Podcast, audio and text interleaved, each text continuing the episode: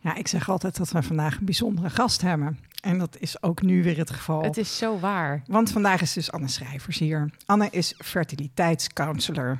Mijn uh, tong die struikelde daar in eerste instantie een beetje over. Maar dat is een mooi woord. Uh, en we vinden het spannend dat Anne er is. En uh, ze heeft ons net verteld dat zij het ook een beetje spannend vindt. Want Anne vertegenwoordigt voor ons dan misschien een heel klein beetje de industrie. Hè, de, de, de fertiliteitsindustrie. En uh, ja, wij zijn toch wel geregeld boze donorkinderen. Um, maar vandaag gaan wij met elkaar in gesprek. En Anne heeft bij het AMC gewerkt en is nu als counselor vrijgevestigd in Haarlem. Anne spreekt veel ouders met een kinderwens. En ze is auteur van de prentenboekjes Een bijzonder gewoon gezin. Waarmee ouders hun kind kunnen vertellen hoe ze gemaakt zijn.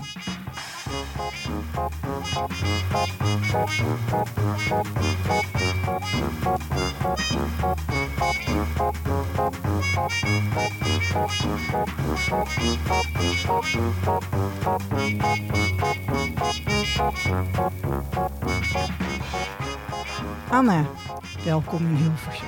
Welkom Anne. Dank jullie wel. En, en zo dapper dat je bij ons aanschuift. En ik vind onszelf ook dapper dat wij uh, met elkaar dit gesprek doen. Ja. We zijn allemaal een beetje dapper vandaag. Ja. ja, inderdaad. En heel goed, Esther zei al, en dat klopt heel erg. Het is ook heel belangrijk, denken wij, dat dit gesprek gevoerd wordt. Zeker. Ja. We beginnen altijd, uh, jij als luisteraar weet dat natuurlijk. We beginnen altijd met een hele belangrijke vraag. Anne, wie is je vader, wie is je moeder? Mijn vader is uh, John en mijn moeder is Doreen. En um, ja, en dat heb ik ook echt nog even gecheckt toen ik begon. Nagevraagd met mijn promotieonderzoek. Toen zei ik ook wel, nou, als er nog een moment is waarop jullie mij iets moeten vertellen, dan is dit het, uh, het goede moment. En wat dan ben je daarop? eigenlijk al wel een beetje laat, maar dan, dan um, nee, zei ze, nee, je bent wel echt uh, van ons, uh, van ons allebei. En, en lijk je, wat, wat heb je van wie? Um, ik heb van mijn moeder, ik lijk qua uiterlijk het meest op mijn vader. Um, dat is wel al een soort bevestiging ook, hè? Ja, ja zeker. En qua uiterlijk op mijn vader en ook wel, ik denk dat ik dezelfde rust of soort van over me heb als mijn vader ook heeft. Ook wat introvert. Um, en um, ook wel de, het um, behoefte aan uh, het vermogen aan onderzoek doen, uh, dingen willen weten, studeren. Dat heb ik wel van mijn vader. En van mijn moeder heb ik, uh, denk liefde voor koken, voor eten. Ik vind het al grappig, want er gebeurde iets bij jou. Want jij zei, en van mijn moeder heb ik denk ik, en er was er zo'n lachje. En er was denk ik ook iets van, van Ga ik dat vertellen of ga ik dat niet vertellen? Nee, het is, het is een, een lachje van dat is denk ik iets, iets heel an, iets anders. Ja, oh, ik heb ja. gewoon van mijn moeder andere dingen. Ja. ja. Nou, liefde ja. voor koken. Ik denk dat uh, mensen om jou heen daar heel blij mee zijn. Zeker. Ik denk ook dat ik heel goed kan koken. Mm. Ja. ja, dan zal het wel zo zijn, toch? Ja. Je proeft het ook zelf, neem ik aan. Ja. ja. Nee, wat leuk. Um, want jij zegt net... Um, uh, dat je, dat je uh, dus van onderzoeken houdt en studeren. En dat je je ouders de gelegenheid hebt gegeven om jou nog even te informeren dat je misschien niet van hun bent uh, toen je aan het studeren was. Ja. Um, hoe, hoe ben jij bij dit onderwerp terechtgekomen? Hoe, ja. Hoe, hoe werd je fertiliteitscounselor ja, Hoe word je fertiliteitscounselor? Nee, maar goed, jij bent ook... Ik, ik heb jou volgens mij ik denk in 2018 of zo voor het eerst aan de telefoon gehad. En misschien ja. nog wel iets eerder. Ja. Dat jij bezig was met je onderzoek. Ja. En dat ik nieuwsgierig was van ja, wat, wat, wat, ben je aan het doen? Um, ook om voor mezelf te bepalen van uh, ga ik die vragenlijst invullen, weet je wel? Ja, wat doet die meid er in die hoge ivoren toren aan die, die universiteit? Ja. Nou ja, en ook, ook wel, um, het is natuurlijk ook heel belangrijk dat er uh, wetenschappelijk onderzoek wordt verricht naar donorconceptie en alles wat ermee te maken heeft. Maar, maar, maar hoe kwam jij op dit pad? Ja, dat is eigenlijk een niet zo heel spannend verhaal. Maar ik deed. Um, um, ik schreef mijn, mijn afstudeerscriptie uh, voor de master uh, pedagogiek bij um, uh, Floor van Rooij. En zij vertelde me dat er een vacature vrij kwam als junior onderzoeker bij de voortplantingsgeneeskunde op een onderzoeksproject waar zij dus ook bij betrokken was. en toen heb ik gesolliciteerd. En dat ging over donorconceptie, begeleiding bij donorconceptie. En ik heb gesolliciteerd en, en toen ben ik het geworden met echt nog geen idee van wat dat veld precies allemaal zou inhouden. En toen was ook al het idee dat je eh, wensouders ging begeleiden. Nee, dat is eigenlijk later gekomen. Want ik had daarvoor al de opleiding eh, eh, SPH gedaan in Den Haag bij TIES. Oh, echt? Oh, ja, dus Kleine eh, wereld. Ik ben bij TIES al begonnen. En, en TIES vertelde ook wel eens in zijn lessen wat over donorconceptie. Dus daar, mo- daar moest ik ook wel weer Goed, goed zo, aan Ties. denken. Aan denken. En, ehm, Dus je had alles... Het, het- het- ja, niet iedereen heeft al ooit van donorconceptie gehoord, maar jij had Ja. er al ooit van gehoord. Ja. Het was, Maar het, was, het is dus eigenlijk zo dat je aan het studeren was, of eh, dat je aan het afstuderen was bij iemand en die zei van, joh, ik weet een baan voor jou en dat je gesolliciteerd hebt op die baan. En daar, en daar hoorde dan bij dat je onderzoek ging doen in dit veld. Ja, dat, was eigenlijk... dit onderzoek wel. Dus ik ben daar, dan ga je natuurlijk wel dat onderzoeksvoorstel lezen. En dan denk je, goh, vi- vind ik dit boeiend? Wil ik, hier, iets, wil ik hier onderzoek naar doen? En op de een of andere manier, ja. Ehm, Kun je heel kort vertellen wat dat onderzoeksvoorstel was? ja, het ging over, eigenlijk waar mijn onderzoek ook over gaat, over de begeleiding ehm, bij donorconceptie. En het onderzoek ging over, ja, wat is er dan precies nodig in de begeleiding voor wensouders, ouders, donoren en donorkinderen? En, en wat greep jou? Want blijkbaar was er iets waarvan je dacht... Ja, dat vind ik interessant. Ja, wat Of dacht je gewoon, mij? ja, ik heb ook ik heb gewoon een onderwerp nodig. Nee, ik denk dat, ik denk dat het, het, het systemisch denken, dat fascineert me eigenlijk altijd wel. En dat heb ik altijd heel belangrijk gevonden. En dat is natuurlijk wel waar donorconceptie ook over gaat. Ja. Over het systemisch kunnen denken en kijken. Kun je, dat- kun je dat een beetje uitleggen voor mensen die er niet bekend mee zijn? Wat is systemisch denken? Ehm, Doe je dan het familiesysteem? ja, in het familiesysteem. Ja, dus dat je wel kijkt naar een familiesysteem en wie hoort daar allemaal bij. En wat gebeurt er ook wanneer er iemand eh, niet wordt, zijn plek in het familiesysteem niet krijgt van, van andere mensen of niet, zelf niet inneemt. En wat zijn de gevolgen daarvan? En daar zit ik nu veel meer in dan dat ik daar toen in zat. Maar dat, dat fascineerde me wel. Dus toen, ja, toen heb ik een brief geschreven en toen ben ik het geworden. En wanneer was dat?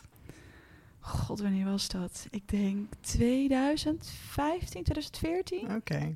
Ja. Ja, want het Bijna eerste wat ik geleden. soort van tegen jou Ja. zei toen je binnenkwam was... Anne, wat ben je jong. je ziet er zo jong uit. Hoe ben je nu al ja, dat zijn de fertiliteitscounselor? Ja, ja. En toen zei jij, ik ben al een beetje een oude ziel. Een oude ziel, denk ik. Ja. Ja, dit, ja. Ehm, altijd wel de, gefascineerd geweest door de psychologie. Ehm, ehm, gezinssystemen, hoe werken die en wanneer werken ze niet? En waar, Eh. waar kan je, weet je waar dat is ontstaan bij jou? Waarom jij dat interessant vindt? Of is dat gewoon zo? Van wie heb je dat? Ja, ja dat, van wie heb ik dat? Nou, ik denk dat mijn, mijn... Ik kan het hier ook heel goed met mijn ouders over hebben. En we kunnen hier hele open gesprekken over hebben. Dus ik denk dat ik dat ook wel van allebei heb. Heb je broers en zussen ook? Ja, een zusje heb ik. Twee jaar jonger. Ehm, die heeft die fascinatie niet zo, maar daar kan ik, het, ja, kan ik het ook hier over hebben. Het is niet dat ze zegt van, goh, wat zeg je nou? Of wat... eh, nee, die, ja. Dus Jullie vinden het allemaal Ja. wel interessant. eh. Ja, maar ik ben wel de enige die hier echt ehm, ja, mijn werk van, eh, Ja. van heeft gemaakt. Maar er zijn sowieso niet heel veel mensen in Nederland die hier hun werk van maken, toch? Heb Nee. jij overzicht over de, de, de, de beroepsgroep? Zeg maar, hoeveel mensen zijn er actief? Heb je daar een idee van? Mm, nou, even kijken hoor. Als ik bedenk, eh, ik weet niet of jullie Point-netwerk kunnen, kennen. Wel eens van gehoord, Nee, maar niet bekend. Nee. Oké. Point-netwerk is een netwerk voor eh, fertiliteitscounselors in Nederland en België. Eh, en er werken allemaal counselors die eh, binnen de fertiliteit werken. Nederland en België bij elkaar? Ja, Oh. ja, ja, ja. Nou, dan moet je zo nog Zelfs maar eens met- wat over vertellen. ja dat is Hoe dat samen gaat. Dat is goed. Dat is Ja. goed.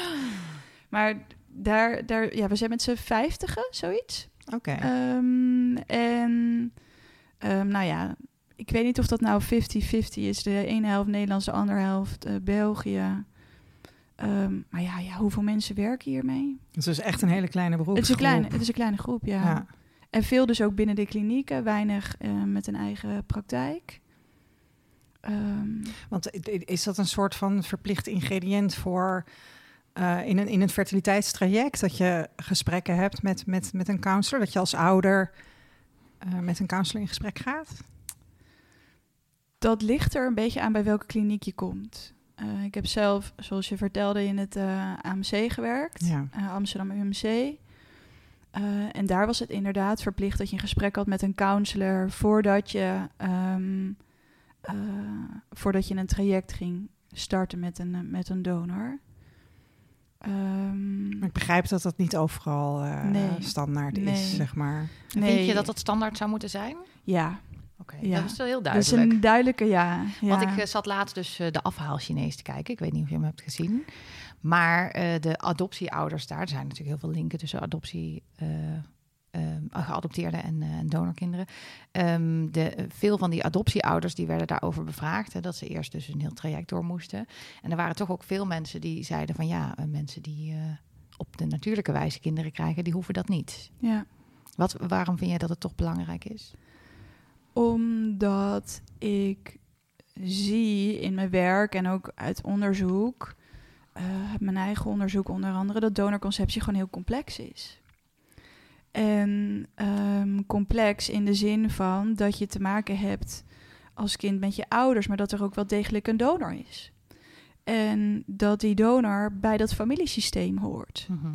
En dat als die donor niet die plek krijgt in dat familiesysteem, en dat hoeven dan echt niet altijd opvoedtaken te zijn, maar dat een donor wel een plek heeft in een familiesysteem. En dat is wel belangrijk om dat te kunnen snappen en om dat in je opvoeding van een kind mee te nemen eh, voordat je daaraan gaat beginnen. En is dat alleen maar met woorden? Of, of zie, jij, ehm, zie jij die plek als dat die eh, fysiek ingenomen moet worden? Of moet je, moeten ouders met woorden de donor een plek geven volgens jou? Ik denk te beginnen bij woorden. Mhm. Dus je moet sowieso benoemen dat er een donor is. En niet alleen benoemen, maar dat, dat moet je, daar moet je over blijven vertellen. Ik zeg ook altijd, er is een verschil tussen iets benoemen en erover blijven praten binnen je gezin. Ehm, dus je, zult er, je zal erover moeten blijven praten. Ehm, maar ehm, ja, een, een fysieke plek, ja... Ik denk altijd, laat dat een beetje aan het kind ook het is aan het kind om te gaan zeggen waar heeft die plek, waar heeft die donor dan een plek in mijn gezin? Waar staat hij? Staat hij dichterbij? Staat hij verder weg?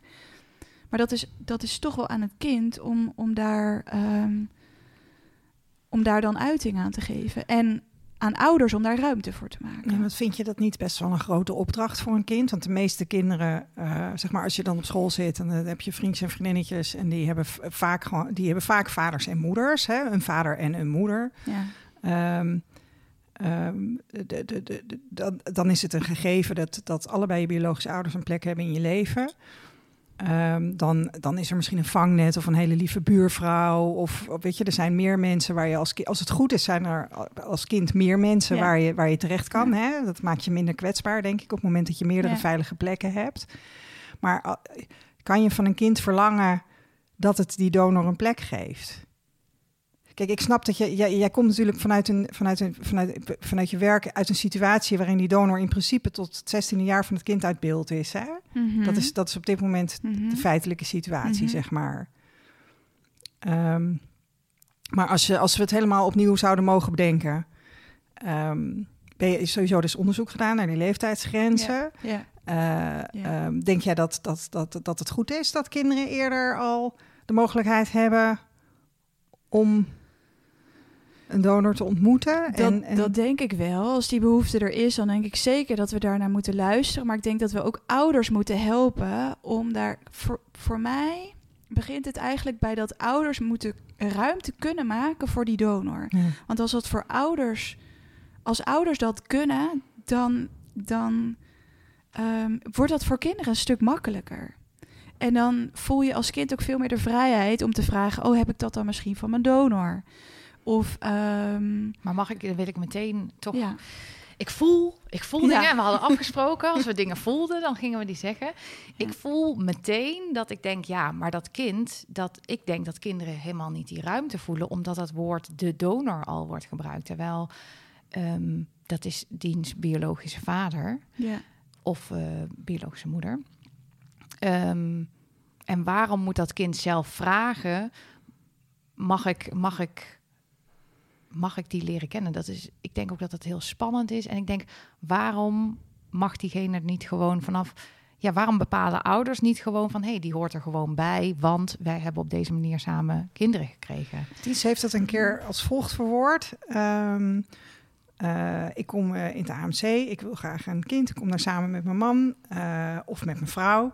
Ehm, het AMC heeft een donor, of willekeurig welke andere kliniek. Want dat, dat ja. maakt het misschien ja. voor jou wat makkelijker om het niet het AMC te noemen. Of het Amsterdam UMC. Maar um, uh, en dat, uh, dat nou, nou, dan kom ik daar als ouders. Uh, en dat jullie, dat, dat jullie dan, dat jij dan als, als counselor of als, als, als, als, kliniek, dat er dan gezegd wordt van nou, we, hebben, we denken dat we een hele goede donor hebben gevonden, die goed bij jullie past. Hij zit in de kantine. Ga maar lekker koffie drinken samen en heb er maar eens even over hoe je dit gaat doen. Ja. Ja. Dat was, dat was Ties een ja. idee, zeg maar. Wat, ja. wat, wat, wat vind je daarvan? Um, ik vind dat best een goed idee. Ja, ik vind dat best een goed idee. Ik, ik uh, kon er ook wel moeite mee hebben als we zouden ze als we zeggen we hebben een donor, we hebben een, een match. Dit is de match. Um, dus in mijn spreekkamer vroeg ik ook vaak aan, aan stellen: ik, kun je iemand in je, om, in je omgeving vragen die donor zou kunnen zijn? -hmm. Oké. Okay. Um, omdat ik denk dat het voor kinderen heel fijn is om vanaf jongs af aan te kunnen weten van wie je dat hebt je, de kleur van je ogen of dat talent voor um, uh, voetballen of zoiets. Ja. ja, en ook minder leuke trekjes. En ook hè? minder leuke Want trekjes. Want we zitten natuurlijk heel erg op de, op de positieve eigenschappen. Ja. Maar zo'n kind wordt geboren en die erft ongetwijfeld ook nare trekjes van ja. die donor. Ja. Ja. En dan moet je het ook mee doen. En dan is het ook fijn ja. te weten van, nou ja, oké, okay, ik ben af en toe heel nukkig. Of ik heb een ochtendhumeur van hier tot Tokio. Of ja. uh, nou ja, ik kan heel slecht tegen uh, val. Ja, ik heb, ik heb een absoluut gehoor en ik kan dus heel of ik ben, ben, ben misofoon of whatever. Gewoon, Van wie heb ik dat? Ja. Ja. Ja. Nee, ik, daar kan ik me helemaal in vinden. En ik denk dat het daarom ook zo belangrijk is dat dat, dat dus ook besproken wordt met wensouders. Heb je er wel eens over nagedacht om een eigen donor te zoeken? En ja. um, want er, dat, dat kan namelijk nogal wat voordelen hebben, ook voor een kind. Ik heb, ik heb zelf, mijn vader is er eentje van uh, vier jongens in dat gezin. Ja. Ik heb ook tegen mijn moeder gezegd van, mam, serieus, er waren gewoon drie broers. Ja. Waarom niet één? Weet je, dan, ja. was ik, dan was ik in ieder geval in de lauw geweest. Dan had ik ook doorlo doorlopende wenkbrauwen gehad, net als al mijn neefjes en nichtjes. ja, en die wilde jij graag. nou ja, nee, maar het is wel gewoon gek dat je denkt van, oh, ik ben de enige die, weet je wel. Nou snap ik waarom. En wat zegt jouw moeder dan, als je dat... Ja, nee, dat, ja, dat, dat, was, dat was toch niet helemaal in ze opgekomen. Nee. nee. hey, en uh, Anne, wat, wat denk jij als ik zeg dat je eigenlijk met dat woord de donor, dat je daarmee eigenlijk al diegene op een soort afstand zet? Hoe, hoe kijk jij daar tegenaan? Want jij, um, jij gebruikt die term wel. Ja, ik gebruik ook de term donorpapa hoor.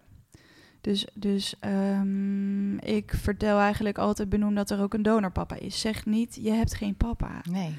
Want al, ja, als ik het nu al zo zeg, dan begin ik al, mijn schouders gaan erop en dan denk ik, oh nee, nee, alle kinderen hebben een papa. Ja. Ja, dat zou dan voor alleenstaande vrouwen kunnen, of twee vrouwen kunnen gelden, dat je een, in een vrouwengezin opgroeit. Um, ja, van, ja dat, en dat wordt gezegd, hè, van nee, jij hebt geen vader of geen papa, jij hebt een, jij hebt een donor. Ik lees, ik lees dat wel eens op forums voorbij komen, inderdaad. Dat het advies zou zijn om te zeggen: je hebt geen papa. Of um, uh, ja, je, je, hebt, je, hebt, je hebt alleen mama, je hebt geen papa. Alsof dat dan duidelijk zou zijn voor een kind dat dit. Het, ja, je kan dan maar beter duidelijk zijn. Terwijl ik denk, als je ja. echt duidelijk wil zijn, dan noem je dus gewoon wat het ja. is. En dat is er is ook een donorpapa. En je kan je kan wel benoemen dat een donorpapa iets anders is dan een papa die bij je in huis woont en je ook naar bed brengt en uh, eten voor je maakt. Ja. Maar je benoemt wel dat er ook een. Dat ja, ik wil daar meteen is. ook iets, weer iets over vragen. Inderdaad, ja. zo'n donorpapa, die dan, uh, hè, dan uh, leg je uit van, um, van uh, dat is niet een papa die je eten geeft en naar bed brengt. Um, nou, ik, ik heb tot nu toe eigenlijk mijn hele carrière in de jeugdhulpverlening gewerkt. En eigenlijk willen alle kinderen gewoon bij hun eigen ouders horen.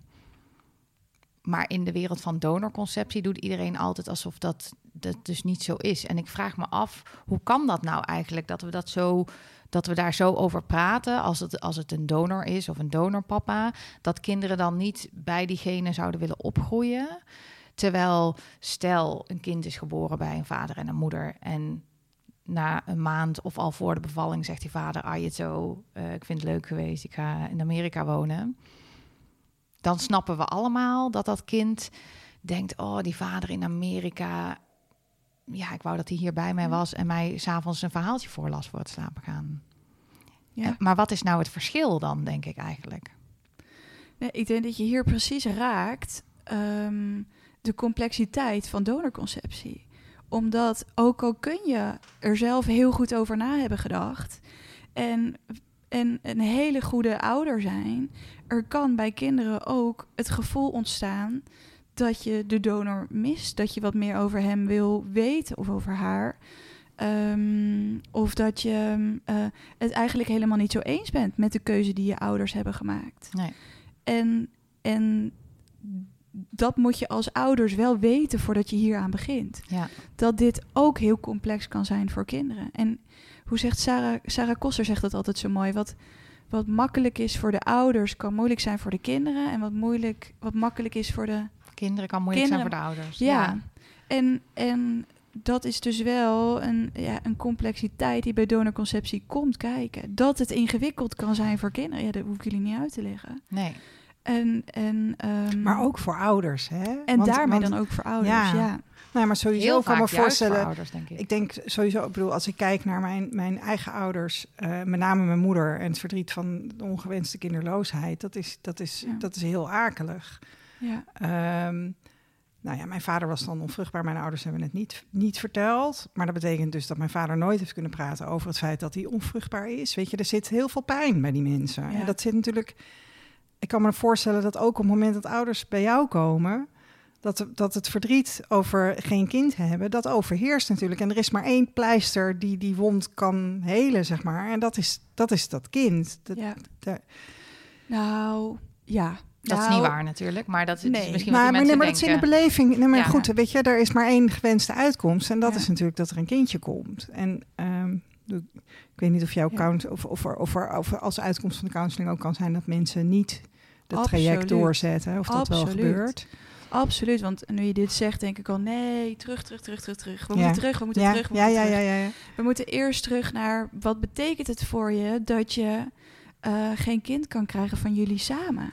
En dan heb ik het ook over de lesbische koppels. ja. Ja. Niet alleen over Nee, de heterostellen, maar ook over de lesbische koppels en ook over die alleenstaande vrouw die misschien wel heel graag die, die partner had gevonden waarmee ze kinderen had willen Ja. krijgen. Ja. Rouwverwerking komt altijd als eerst.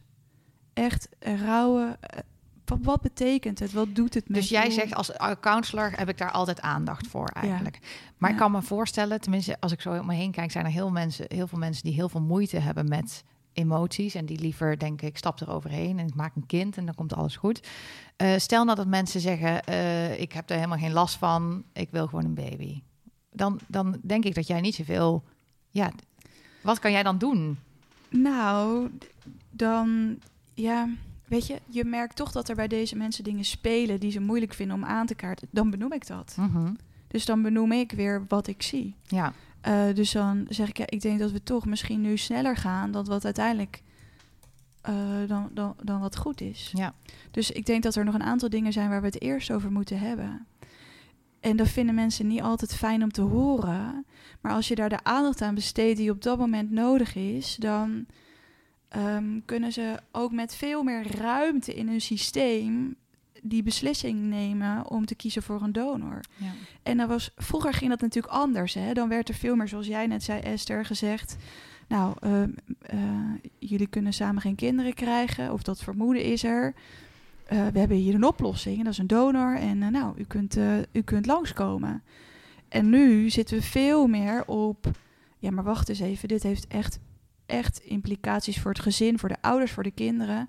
Dus hoe kunnen we dit hele proces veel beter begeleiden? Dus en jij zegt we moeten er we. tijd voor nemen. En wie is dan we? Want, want eh, jij ehm, werkt op deze manier, Ja, maar jij zit in zo'n groep van Ja. fertiliteitscounselors. ja. Is dat eh, common goods? Of, of, of, want ik, ik kan me dat eigenlijk Is nog dit niet al, voorstellen. zijn, dit algemeen misschien heersende heb ik een opvattingen? Of hebben jullie inderdaad hebben, hebben jullie een werkwijze waar dit standaard onderdeel van is? Nou, we hebben het wel met elkaar over wat is nou precies belangrijk in de counseling. En toevallig zijn we nu bezig met het schrijven van ehm, eh, een richtlijn voor de counseling bij donorconceptie. We beginnen met de lesbische koppels.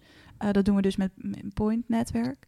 Ehm, en en daar, daar komt dit ook in te staan. En dat is ook als we dan kijken naar mijn proefschrift. Dit is ook een van de uitkomsten van mijn onderzoek. Dat het voor wensouders heel belangrijk is om het te hebben over hoe neem je nou uiteindelijk die beslissing om echt voor donorconceptie te kiezen. En, en wat is daarin dan belangrijk?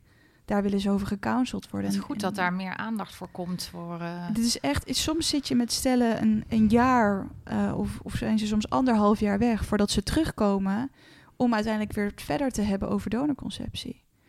En, en Omdat daar ze is, nog werk te doen hebben, zeg ja, maar. Ja, wat podcasts te luisteren. Ja. Ja, of in echt dat rouwproces. Ja. Echt dat rouwproces. Ja. Ja. En dat komt ook in fases. Hè? Dat is niet in één keer klaar. Nou, zo, dat hebben we dan gedaan. En we gaan er nu aan beginnen. Want het moment waarop je dan de eerste keer die spreekkamer inloopt en die inseminatie komt met het sperma van een man die je helemaal niet kent, die je allebei niet kent, Lijkt dan doet dat ook gek. weer iets met je. Lijkt Ja. me ook zo überhaupt Ja. om je te laten insemineren inderdaad met het zaad van een volslagen onbekende. Ja. Maar ik, ik- dat vind ik net zo'n gek idee als dat je een kind krijgt van een volslagen onbekende. Ja. Dat is gewoon, ja, ik denk dat heel veel mensen daar ook niet goed bij stilstaan. Hè, en nu, wordt er dan door jou wel goed gecounseld, maar er zijn Ja. natuurlijk 40.000, minstens 40 of 50.000 donorkinderen geboren waarbij dat niet het geval was. Ja, Ja. en dan, ja, je krijgt wel het kind van een, van een vreemde. Ja, en dat, dat, daaruit blijkt dus maar weer hoe belangrijk het is dat we die wensouders van tevoren goed counselen. En ook, ik denk zelf ook in het proces van een zwangerschap, in, het, in, de, in alles wat daarna komt. en mag zodat- ik eens vragen, zijn er dan veel mensen die niet openstaan voor die counseling? En die, want ik, ik neem aan dat jullie dan niet mensen weigeren. Als jij denkt van, ja, maar die rouw zit nog heel erg in de weg. En eh, Wel, wel, ja. oké, Ja, ja we, we werken, of alle klinieken werken met de morele contra-indicaties bij vruchtbaarheidsbehandelingen. oké. Ehm, en als we ehm, toch het gevoel hebben dat we het nog niet echt over dit soort onderwerpen kunnen hebben, dan, kijk, je zegt niet, je zegt niet vaak, we gaan dit helemaal nooit doen. Maar wel, er is nog echt wat meer werk te verzetten voordat we hiermee gaan beginnen. Goed, dan kan het dus ook gebeuren dat iemand zegt van nou, dan, ga, dan stap ik naar een kliniek waar ze allemaal wat minder streng zijn. eh. Ja. Ja. Ja. Ja, of ik trek iemand uit de kroeg. Of, ja, Ja. ja, Ja, dat, precies. Dat kan, dat Ja. kan, dat kan België. altijd. Maar ja. ik, gelo- ik, ik heb in mijn werk wel ervaren hoe belangrijk het kan zijn en hoe om aandacht te besteden aan het hele proces bij wensenouders. En dat ze later ook terugkomen en zeggen: Ik ben zo blij dat ik hier vooraf aandacht voor heb gehad. Ja. Ik ben, ben wel een beetje opgelucht om te horen dat dit... eh, Ik ben nu al blij dat je er Ja. bent, Anne. Ja, Dat dit toch iets... eh, maar goed, dat is dan bij jou. Ik heb nog niet helemaal het vertrouwen dat, eh, dat dat in de hele industrie zo is. Maar dat ik denk van, oh wat fijn dat er daar ruimte voor is. En ook, dat ook tegen mensen gezegd wordt van... ehm, dat, dat er niet zomaar in meegegaan wordt. Want wij spreken natuurlijk best wel veel donorkinderen ook met... eh, eh, van ouders met mentale problemen. Of in ieder geval ehm, donorkinderen. Heel veel waarvan de ouders nu nog steeds... volwassen donorkinderen waar ouders niet de ruimte hebben... Mijn eigen moeder bijvoorbeeld, ja, die wil het niet over die donor hebben, want die is gewoon jaloers op welke plek die inneemt. Terwijl die verder geen plek inneemt. Maar ja. toch al, het, de, het woord zeggen al. Ehm, nou, dat, oh ja, dat Je wij zei dat je veel mensen, was. ja, dat- veel mensen kennen van ouders die dus niet de ruimte hebben om Ja. eh, die jij dus daarmee wel creëert, denk ik. Hè? Ja. En, en niet dat het dan altijd lukt. Ehm, Maar maar het kan ook gewoon nog lastig blijven natuurlijk. Ja. om iemand Ja. toe te maar ik laten vind het toch fijn om te horen dat er, dat daar meer aandacht voor is. Omdat wij dus zoveel donorkinderen spreken die eigenlijk met hun ouders er niet over kunnen hebben. Ja. Omdat die ouders geen ruimte hebben voor het verhaal van het kind. Ja. Ja, en ruimte hebben voor het verhaal van het kind betekent eigenlijk dat je eerst ruimte moet maken voor je eigen verhaal. Ja. En ehm, het klinkt allemaal zo mooi, hè? Maar ik denk wel dat dat echt heel belangrijk is. Daar aandacht aan besteden. Eerst aan wat doet het, wat doet het met mij? Wat doet het met ons? Wat, wat doet het met je als ik zeg... de donor hoort ook bij het familiesysteem van een kind? Ja, als je, als je nu de neiging hebt deze podcast uit te zetten... Nou, anderen Dan- luister ik niet meer. dan, dan is het misschien dan, dan is het misschien wel belangrijk om daar nog iets mee te doen. Voor jezelf, voor je kind. Ehm, Ook als je bijna 80 bent en een volwassen kind hebt. En Ik heb het in mijn eigen familie, hè, maak ik dit mee. Dat, dat, er, dat er ouders zijn Ja. die zeggen van nee, dat is geen familie van jou. Of, ehm, nou ja, sowieso spreek, spreek ik heel veel donorkinderen die er dan op een, vaak op een lullige manier alsnog achterkomen. Hè, doordat ze bijvoorbeeld een DNA-testje doen en die nemen dan contact op met, met Stichting Donorkind. En die krijgen gewoon geen gehoor bij hun ouders. Of die moeten luisteren naar het verhaal. Ja. Weet je hoe verdrietig het is dat wij geen kinderen konden Ja. krijgen? Weet je wel? Dus dat, er totaal geen ruimte is voor het kind. Dus dat probeer, dat probeer je nu zeg maar met je werk te voorkomen. Ja, maar ook nu, ja, ook die ouders zou ik eigenlijk willen uitnodigen om daar wel over te blijven, daarover te komen praten. Ja, dat is echt beginnen met daarover praten. Hè? Het Want beginnen met hebben erover- vaak 40, ja. 50 jaar hun mond gehouden. ja. Want hoe kom jij tot het inzicht dat dat belangrijk is eigenlijk? Want je bent heel jong Ja, nou ja. en ik heb- wijs. Ja. Onderzoek. Ja, nou dank je. Ehm, ik heb voor mijn onderzoek zoveel wensouders en donorkinderen gesproken. ehm, dat je er eigenlijk niet omheen komt. Dat het erover praten en de donor een, een plek geven in het familiesysteem, dat dat toch wel heel belangrijk is. En dat als je dat niet doet, eh, dat dat echt kan leiden tot ehm, veel verdriet. En dacht je voor je onderzoek er anders over? Heeft het eh, je heel veel nieuwe inzichten gegeven? Of voelde jij al, was, was dit voor jou Dacht al je, waar? jeetje, wat een opeenstapeling van open deuren. Nou, ik kan. Ja, wat had ik verwacht? Wat had ik. Ja. Nee, ik kon me voor, voor mijn onderzoek ook wel voorstellen dat dit belangrijk zou zijn. Hm. Ja, maar. Maar je gaat er wel met een open vizier in. Mhm, Altijd. mhm. Ehm, en ook in de verhalen van, van, van donorkinderen. Ik heb zoveel donorkinderen gesproken en, en wensouders. Ja.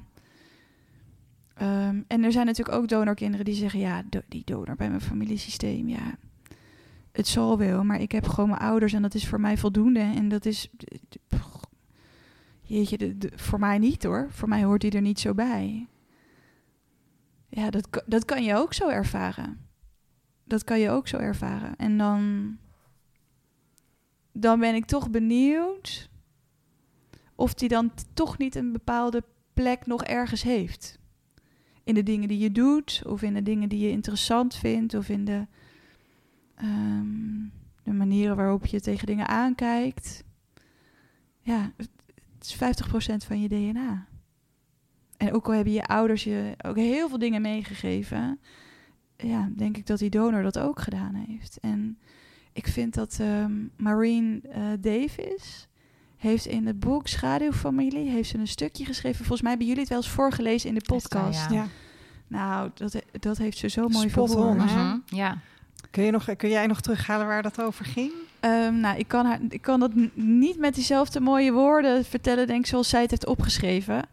Maar wat me is bijgebleven is dat ze iets zei in de trant van dat het natuurlijk aan iedereen aan zich is om te bepalen of je onderzoek wil doen naar wie die donor is en waar die vandaan komt en, en wat voor persoon het is. Maar ehm, dat het, ehm, ja, god, hoe zei ze Ik weet ook niet hoe ze het zei, maar Volgens dat mij als je dat ja. wel doet en als je jezelf de toestemming kan geven om dat te gaan ontdekken, dat je dan wel, ehm, ja, dat er, me- dat er nog zoveel moois, te on- dat je misschien wel meer over jezelf te weten Ja. kan Ja. komen dan dat je je am- eh, van tevoren voor mogelijk had gehouden. een beetje over het, ook het omarmen van jezelf en wie je bent. Hè? En Ja. het niet, niet ontkennen van dat onbekende stuk. En dat het, precies. dat het je inderdaad veel kan brengen. Ik vond het ook... Ik vond dat toen ook heel mooi. En ik, ik kom het vaak tegen in... eh, Ik, ik, ik help mensen vaders vinden. hè. En ik kom vaak tegen van... eh, nee, ik heb een broer of ik heb een zus. En die willen niks mee. Eh, dat vind ik altijd zonde. Want ik denk, ja, het is zoals het is. Hè? Dus je kunt net doen alsof het er niet is. Maar het is er toch. Ja. En, en, en er lopen waarschijnlijk broers en zussen rond... die jou eh, dolgraag zouden ontmoeten. En weet je, er is, er, er, er, er is een hele wereld nog... die van jou is, waar je niet... Ja, maar die je geen onderdeel maakt van je leven. Waar je niet naar Maar kijkt. goed, dat is, ja, maar dat is, een beetje, dat is ook een beetje mijn manier om ermee om te gaan hoor. Ik heb Mhm. eh, drie weken geleden om eh 12 uur 's avonds checkte ik nog even My Heritage. En ehm, nou ja, dat moet je dus nooit om 12 uur 's avonds doen als donorkind. Maar doet El Esther altijd? Heeft ze nu al eh, elf nee, keer om twaalf uur s'avonds gedaan? nou ja, goed, in ieder geval, ik, nee, ik, ik, kijk dan, ik heb een app en dan, dan kijk je bij mijn heritage en dan staat er van, je hebt zoveel naaste familieleden en zoveel verre familieleden. En dat naaste familieleden stond al een hele tijd op 15, maar er stond ineens 16. Dus uh, ja. en dan, oké, oh, oké. Ehm, mijn, uh, een, een van mijn zussen geappt, uh, Nicole geappt en gezegd van, ben je nog wakker? Ja. Mag ik je bellen? Ja. Oké, okay, uh, we hebben een match erbij, weet je wel. Dus ja. ik kijken, nou, dat is een man. Um, ik, heb, uh, ik heb die man meteen een berichtje gestuurd. Um, want ik dacht van, ja, voor hetzelfde geld heeft hij geen idee, weet je. En heeft hij dus ineens heel veel naast familieleden en schrikt hij zich de pestbokken. Dus dan vind ik het wel fijn als hij met iemand kan bellen. Dus ja. ik heb ja. um, uh, gevraagd van, joh, had je, had je deze uitkomst verwacht, weet je wel. En uh, ik had ook een melding gehad op mijn website. Heel veel was bezocht die dag, dus ik had ook gezegd, heb je mijn website doen ontploffen vandaag? En ik heb mijn nummer gegeven. En binnen 20 minuten had ik dus een appje, of nou ja, zeg maar gerust een app ja. uh, van hem. Uh, om tien voor half één s'nachts, waarin hij dus een verhaal doet. En, en dat, dat vind ik wel bijzonder, dat hij dus ook... Hij stapt hier vol in. Mijn broers en zussen hebben vaak iets meer tijd nodig om op onderzoek uit te gaan. Want deze jongen wist ook dat er wel iets aan de hand was, maar niet helemaal wat, weet ja. je wel. Maar dat, ja, dat je er gewoon... De volgende dag zat hij hier aan tafel met alle broers en zussen die op dat moment ook konden komen. En ja, een soort van verwelkomd en gezegd, doe je, zo, doe je schoenen eens uit. Wauw. Want we willen je voeten zien, weet je wel. Ja. En, nou ja, goed, bij ons speelt dan ook dat er iets in de familie zit. Dus ja. naar de dokter. Um, maar ik, ik, ik, ik ben, het maakt mij altijd heel gelukkig, zeg maar, om daar dan maar, om er dan maar zo in te springen. En ja. ik vind het ook heel fijn dat ik dan dus weer een broer heb die dat ook durft. Ja. Dat dat gewoon... Um, en nou, en nou is het zoeken van ja, wat voor plek geef je elkaar dan, weet je wel? En dat, dat is een zoektocht. Maar ja. ja. dat is nou eenmaal ons verhaal. Ja. En dan kan je, ja, je kan ervoor kiezen om het niet te doen.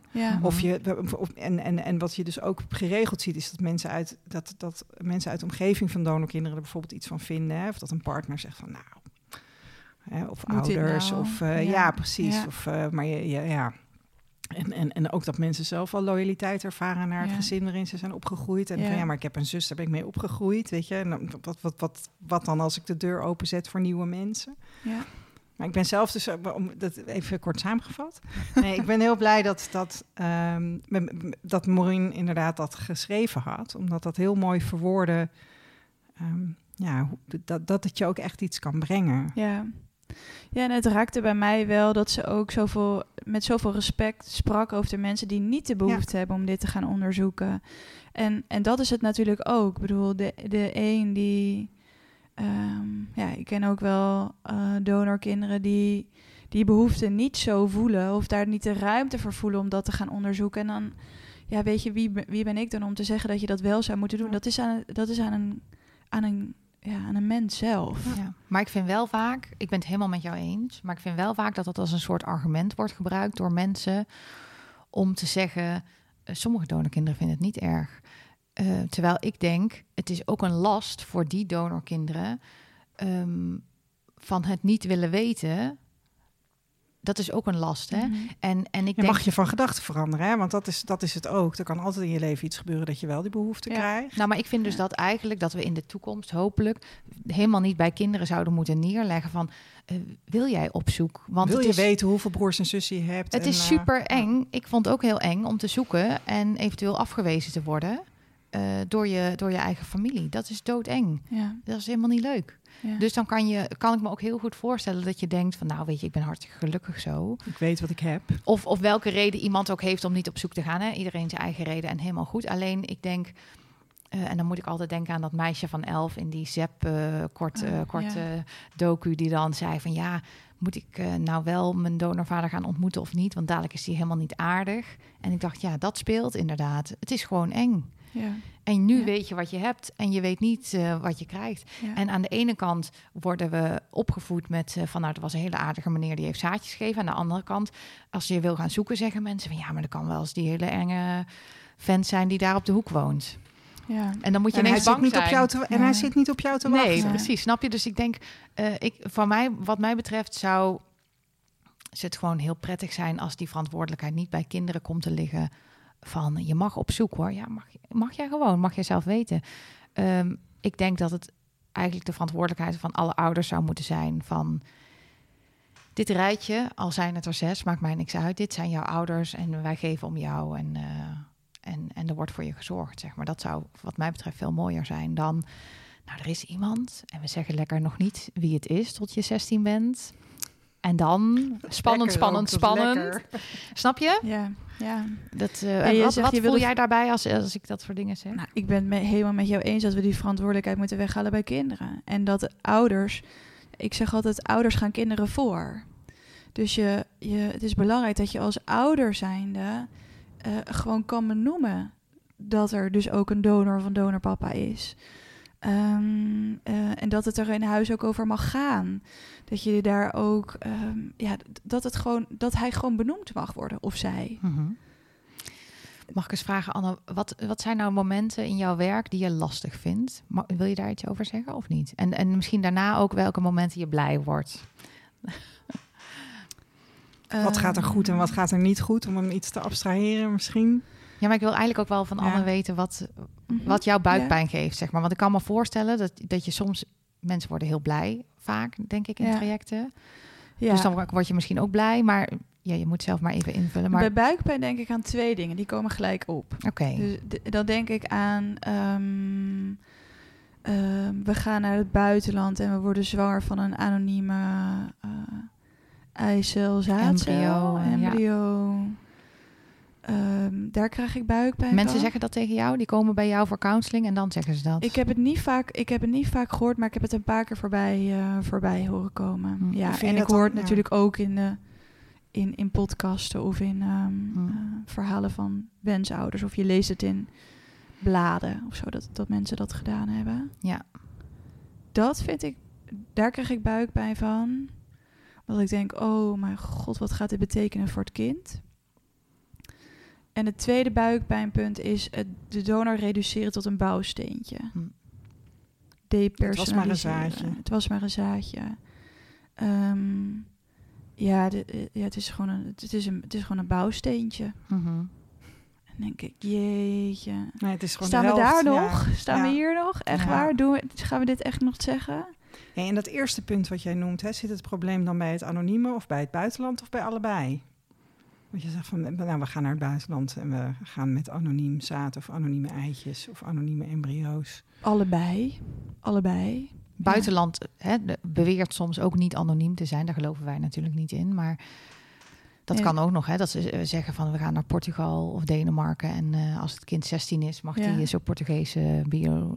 Ja, doe je daarop, Esther, over bijvoorbeeld de Deense eh, Ja, banken? ja, en waarbij niet alleen het, het, het, het, het wantrouwen er zit van eh, krijg je wel gegevens als je 16 bent, maar voor mij zit het probleem ook met name in van wat heb je als kind aan een buitenlandse ouder, wiens taal je niet spreekt. En weet je, dus dat is leuk dat je dan op je 16, nou dat is dus afwachten, want ze vallen niet onder de Nederlandse inspectie, dus daar kan nog van alles misgaan.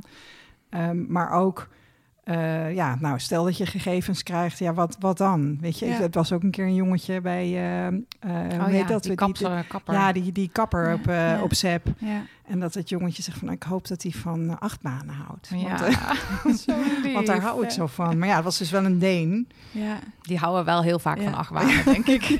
Allemaal. ja, het is geen familie van mij. Nee. Maar... Nee, maar goed, de, de, dus dat, dat, Ja. überhaupt zo'n buitenlandse ouder heb je volgens mij als kind ook geen reet aan. En, en ehm, in, de, vraag misschien aan jou is van in, in hoeverre ehm, staat het belang van het kind voorop?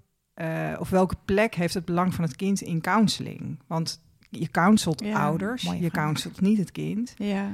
Maar welke plek heeft het belang van het kind nu? Nou ja, dat, dat leg je dus heel vaak uit aan ouders. Dat de keuzes die je maakt hebben gevolgen voor een kind. En de manier waarop jij ermee omgaat, heeft gevolgen voor een kind. Kies je voor een Deense donor, dan is dit... Maar die counseling heb ik nooit gedaan, hè, want in het AMC werken we niet met... Nee. ehm, wordt niet gewerkt met Maar de goed, Deense misschien nu banken. in jouw, in, jouw, in jouw eigen praktijk ga je het misschien meemaken. Ja, in mijn eigen praktijk, ja, ik raad het af. In mijn eigen praktijk raad ik het af. Naar het buitenland gaan. Ik vind het zo mooi, ik had de, de podcast geluisterd eh, van Sarah in ehm, eh, DNA zaten. Ja. Ehm, en eh, daarbij zei ze zo mooi dat ze de keuze zo liet bij de, bij de wensouders. ehm, en ik kan dat echt in haar bewonderen, dat ze dat keuzeproces helemaal bij de wensouders laat. Maar ik vind dat dus, ik merk dus dat ik dat ingewikkelder vind. Ik werd me daar bewust van toen ik Sarah dat hoorde, hoorde zeggen. Ik vind dat dus ingewikkeld. Mhm. Als mensen zeggen, ik, ik ga naar Portugal. Want jij vindt er iets van. Ja, Of jij voelt er iets ja, bij. Ja, niet persoonlijk ik, maar naar alle interviews en, en, en verhalen die ik daarover heb gehoord, over wat het voor kinderen kan betekenen, dan. Kijk, ik wil niet zeggen dat het in alle gevallen dat er ongelukkige kinderen uitkomen. Dat Ja, zeg ik niet. Maar als je een keuze hebt, ehm, doe het alsjeblieft niet. Kijk eerst in je omgeving. Maar je hebt Ja. altijd een keuze natuurlijk, hè? Je hebt altijd een keuze, ja. Geen kind is ook Ja. een optie, roepen Ja. wij wel eens. Ja, ja. In hoeverre heb jij de ruimte Nou ja, om dat, dat... schuurt eh, dus. Dat, schu- dat schuurt dus. In hoeverre hebben mensen dus... Ja, mensen maken hun eigen keuzes. En, Ja. en ergens ook gelukkig maar dat, dat dat kan. Want als we allemaal niet meer onze eigen keuzes kunnen maken... dan, ja, dan, Mhm. dan hebben we echt wel een heel groot probleem in deze wereld. Maar ehm, mijn advies is altijd... kijk in je omgeving of er iemand is die je kunt vinden. En anders een Nederlandse, een Nederlandse donor... die goed gecounseld is bij de kliniek... Die ook weet waar die aan begint. Die dan. ook weet waar die aan begint. Waar- Worden, de- de- counsel die jij ook donoren? ja. Oh, wat spannend, dat wist ik niet. Dat heeft ze nog geheim gehouden Ja. voor ons. ja, ik, ja. Oh, dus jij weet wie het allemaal zijn. Nou, nou, ja, Hoeveel, deels. hoeveel, he- hoeveel donoren heeft het AMC überhaupt? Ja, Waar denk ik dan dat, aan? Dat, dur- dat durf ik niet te zeggen. Dat durf ik niet te zeggen. Maar denken we in tientallen of honderden? Tientallen, tientallen. Nee, zeker geen honderden. Nee, nee. Ehm, Maar die zijn, Ja. die zijn dus ook gecounseld. Dus die weten Ja. waar ze aan beginnen. Ja. Die wordt nu verteld van als het kind 16 is, dan kan het informatie opvragen. Is het zo? we zeggen wel dat, daar nu, dat, er nu eh, dat er een wetswijziging aan zit te komen. Hè? Dus je vertelt wel vanaf dit moment dat we dat weten, ga je dat er ook bij vertellen. Ja. Ja. Ehm, En ehm, komt het wel eens voor? Heb jij in je praktijk wel eens meegemaakt dat een kind eerder contact wil en dat dat contact ook tot stand is gebracht? Of is de wet dan leidend in zoverre van nee, je moet wachten tot je 16 bent? Los van. Ik kan me namelijk voorstellen dat een kind drie is en eh doodongelukkig is en het gewoon wil weten. Dat gebeurt. ja. Ehm, en dat je in principe als, als, als, als kliniek kun je natuurlijk gewoon die man benaderen en zeggen: joh, ja, weet je, uitzonderlijke situatie, maar we hebben hier een, eh, een kind wat heel graag contact met jou wil. Ja. Ja, kan, dan... kan dat al? Mm, weet, jij, of weet nee, jij? eh, nee, nee, dat kan niet. Nee, nee. Ja, want dat is, Nee. dat is een beetje hoe de wet werkt. Hè? Dat het staat in de wet, dus Ja. wat niet in de wet staat, mag niet. Terwijl dat is helemaal niet gezegd. Die wet die is er namelijk, die wet is bedacht Ja. volgens mij om in het Ja. belang van donorkinderen, in de geest van Ja. we gaan de, de Ja. belangen van de kinderen. Ja, ja ik, ik, snap wat, ik snap helemaal wat je zegt. En, en de complexiteit hier ook van. En ehm, je maakt natuurlijk wel eens mee dat ouders contact opnemen en zeggen van... ehm, ja, ik voel wel dat mijn kind hier behoefte aan heeft. Kan dit? Ja. En dan, dan, dan moeten we zeggen, nee, dat, dat, dat kan nog niet. Oké. En, En, dan, dat kan niet omdat het niet mag, zeg maar. Of, Ja, en omdat je dus ook met de donoren hebt afgesproken dat dat vanaf 16 jaar is. Maar je Dus kan ze toch maar als ik met Eefje Ja, donderdag ja, heb afgesproken en ja. ik wil toch woensdag afspreken, Ja. dan bel ik er. Hè? Ja. Dan kan je, je kan afspraken veranderen. Ja. Ik ben daar heel makkelijk Ja. in. Ja. Ja, Nee, maar goed, ik, dit- ik ga dit- daar natuurlijk ook niet Ja. echt over en ik ging er ook niet over. Ik, ik zou me in zo'n geval kunnen voorstellen dat je contact hebt met een, met een donor en met, een, eh, en met, het, met deze ouders. Ja. Maar dan moet je ook weer echt goed gaan aftasten. Is het kind die dit wil of is het de ouder die dit wil? Mhm. Ehm, ja, is dat een ding? Is dat, zijn er... Kom je, ja, kom je dat tegen, dat ouders gewoon willen weten? En hoe komt dat dan? Komt, is- dat dan omdat je, eh, er een massadonor eh, was en dat mensen het willen weten? Of wat, wat, waarom willen we ouders dit weten? Ouders willen het vaak weten omdat ze merken. ehm, mijn ervaring, de ervaringen die ik heb, waren het vaak kinderen die opgroeiden bij één moeder. En ehm, die het toch wel heel erg ingewikkeld vonden dat er geen papa was. En waar de meeste kinderen dus wel een papa hebben. Ja. dat zijn zeg maar de ervaringen die ik, ehm, die ik heb. Ik zag ook in jouw Ja, en hard, oh, hard, ik zie je ook kijken. Ja, Dus ja. dat is ook in je, in je werk. Als je dat hoort, denk je, ach, Hartverscheurend. hartverscheurend. Ja. ja. Ik zag in jouw onderzoek dat je ook eh, aanbeveelt dat eh, wensouders contact hebben voordat ze donorkinderen krijgen met wensouders van of ouders van donorkinderen. Ja. Hè? ja. Is dit een van die redenen dat mensen dan kunnen vertellen van ehm, dit is de situatie en mijn kind was drie en eh, ja, niet te houden, zeg maar. Ehm, meestal gaat het over ehm, hoe zijn andere ouders omgegaan met het feit dat een van de ouders niet de, eh, geen genetische ouder is. Eh, hoe praat je er met kinderen over? Hoe reageerden jouw kinderen daarop? Vinden, Eh, vinden ouders dat lastig? Want ja. dit, dit is dus een, dit is voor mij best wel een beetje onbekend terrein. Hè? Dat, je, dat je dus dat je een kind gaat krijgen en gaat grootbrengen wat niet, wat niet biologisch van jou is. Ja.